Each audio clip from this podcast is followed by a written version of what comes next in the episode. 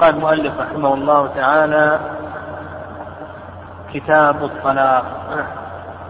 الطلاق في اللغة التخلية وأما في الاصطلاح فهو حل قيد النكاح أو بعضه حل قيد النكاح أو بعضه والأصل في الطلاق أنه مكروه هذا الأصل.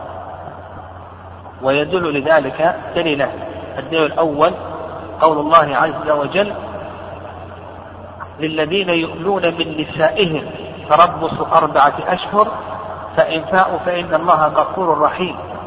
وإن عزموا الطلاق فإن الله سميع عليم. قال فإن عزموا الطلاق وإن عزموا الطلاق فإن الله سميع عليم. فقال في الفيئة يعني الرجوع إلى حسن عشرة المرأة قال فإن الله غفور رحيم.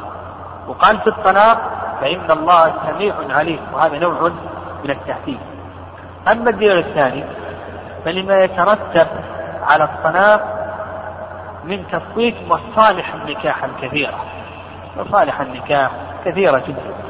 الاستجابة لأمر الله وأمر رسوله صلى الله عليه وسلم تكثير الأمة تحقيق مباهاة النبي عليه الصلاة والسلام ما يكون بين الزوجين من المودة والألفة والرحمة إلى آخره.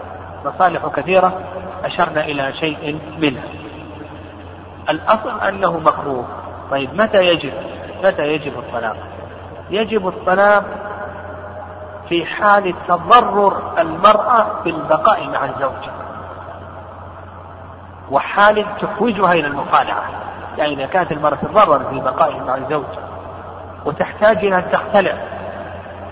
فنقول يجب عليها أن يطلقها. كذلك أيضا إذا تركت عفة أو تركت صلاة فإنه يجب عليه أن يطلقها ولا يجوز له أن يمسكها. كذلك أيضا ثانيا يحرم الطلاق إذا كان بدعة. وسيأتينا إن شاء الله طلاق البدعة. طلاق البدعة أن يطلقها في حيض أو في طهر جامعها فيه أو أن يتبعها أكثر من طلقة الرابع نعم الرابع يحرم قلنا يحرم الطلاق يباح الطلاق بالحاجة إذا كان الزوج يحتاج إلى الطلاق فإنه يباح له أن يطلق.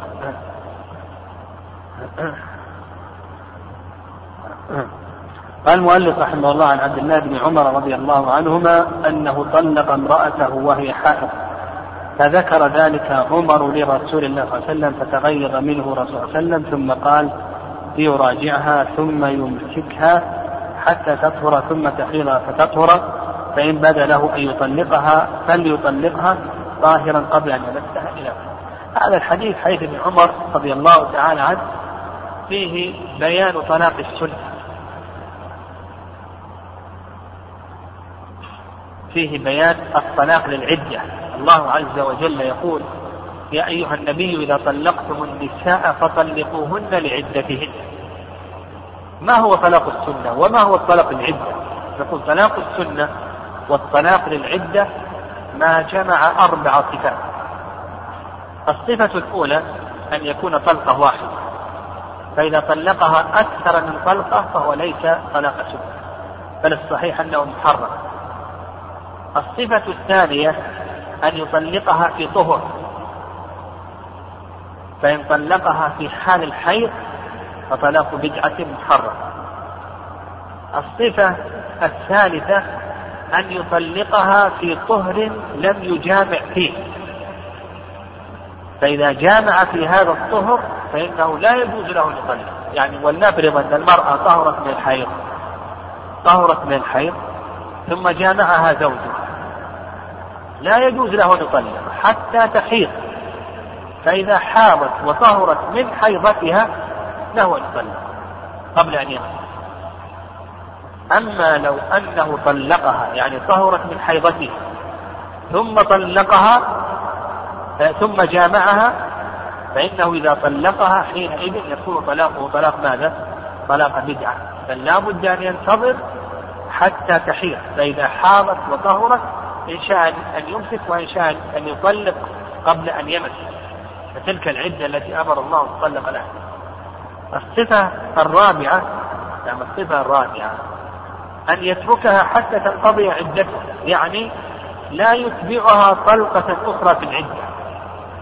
فمثلا إذا قال لزوجته أنت طالق الآن لما قال أنت طالق في طهر لم يجامع به شرعت في عدة فكونه يقول أنت طالق مرة أخرى هذه هذه اللفظة طلاق بدعة لأنه يجب عليه أن يتركها حتى تنقضي عدته. يعني ما يطلق الطلقة الثانية إلا بعد مراجعة أو بعد عقد.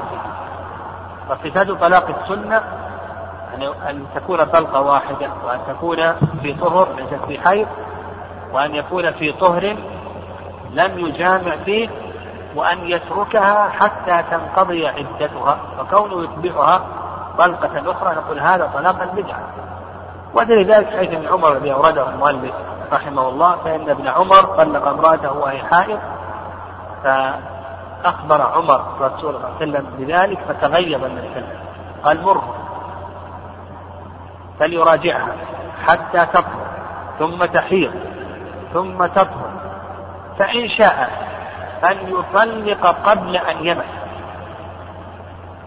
وإن شاء أن يمسك فتلك العدة التي أمر الله أن تطلق لها. قال أن يطلق قبل أن يمس أو أن يمسك فتلك العدة التي أمر الله تطلق لها الله